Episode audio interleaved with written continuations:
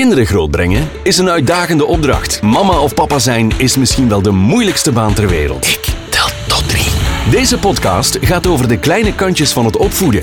Wij brengen echte verhalen met een knipoog, een traan en een lach. Want wat is het een voorrecht om dat kleine mensje te zien opgroeien met het hart op de juiste plaats. Welkom bij Ik Tel Tot 3. Welkom bij een nieuwe aflevering van Ik Tel Tot 3. Heel fijn dat je luistert. Vandaag staan we stil bij een vraag die een mama ons toestuurde. Mag je eigenlijk je kind terugbijten? Wel, er zijn verschillende redenen waarom kinderen bijten. Ten eerste, waar kleine baby's nog vaker bijten om de wereld rondom zich te ontdekken, hebben de hapjes van peuters en kleuters vaker te maken met frustratie, irritatie en ook wel boosheid. Een ander kindje pakt iets af bijvoorbeeld, een kleuter krijgt zijn zin niet. En bijten is dan een logische manier voor het kind, een lichamelijke manier vooral ook, om die emotie uit te drukken. Want ze kennen geen andere taal. Bijten is niet oké. We mogen als ouders zeker niet het signaal geven dat we het gedrag gaan eh, accepteren. Betekent dat daarom dat we een kind gaan terugbijten? Absoluut niet. Want dan gaan we aan het kind immers aanleren dat geweld of agressie in sommige situaties een oplossing kan zijn. De hersenen van kinderen zijn nog niet af, hun inlevingsvermogen is nog niet verfijnd genoeg. Dus zij kunnen dat onderscheid dat jij als ouder wel kan maken, niet zien. Misschien vind jij wel dat het kind een heel duidelijk signaal moet krijgen en dat is ook nodig.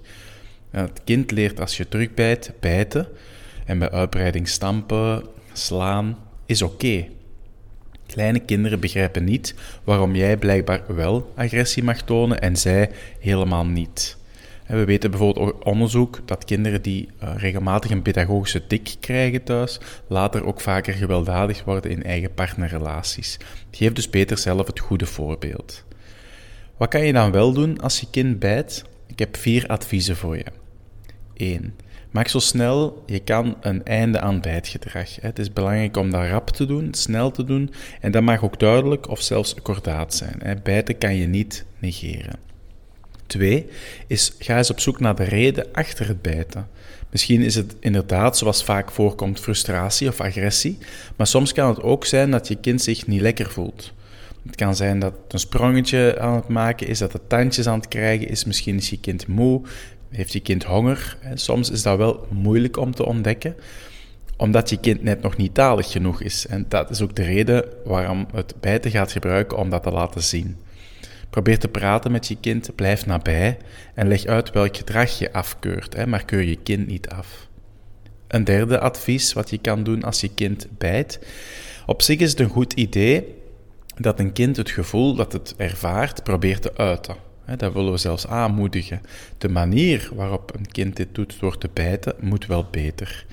Benoem dus het gevoel dat je ziet, vertel dat dit oké is, maar de manier waarop is niet oké. Geef eventueel aan je kind een alternatief. En vier, heeft je kind het erg lastig? Misschien is het dan ook een goed idee om je kind even te laten ontprikkelen of om tot rust te komen. Bekijk een rustmoment niet als een straf.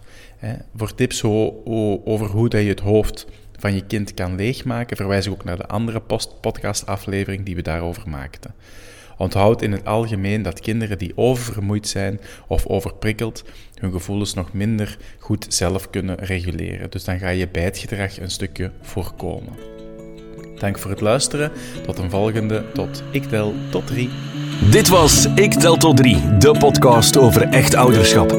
Abonneer je voor nieuwe afleveringen. Reageer of stuur ons een berichtje op ikteltot3.be. Vergeet niet, je staat er niet alleen voor, want It takes a village to raise a child.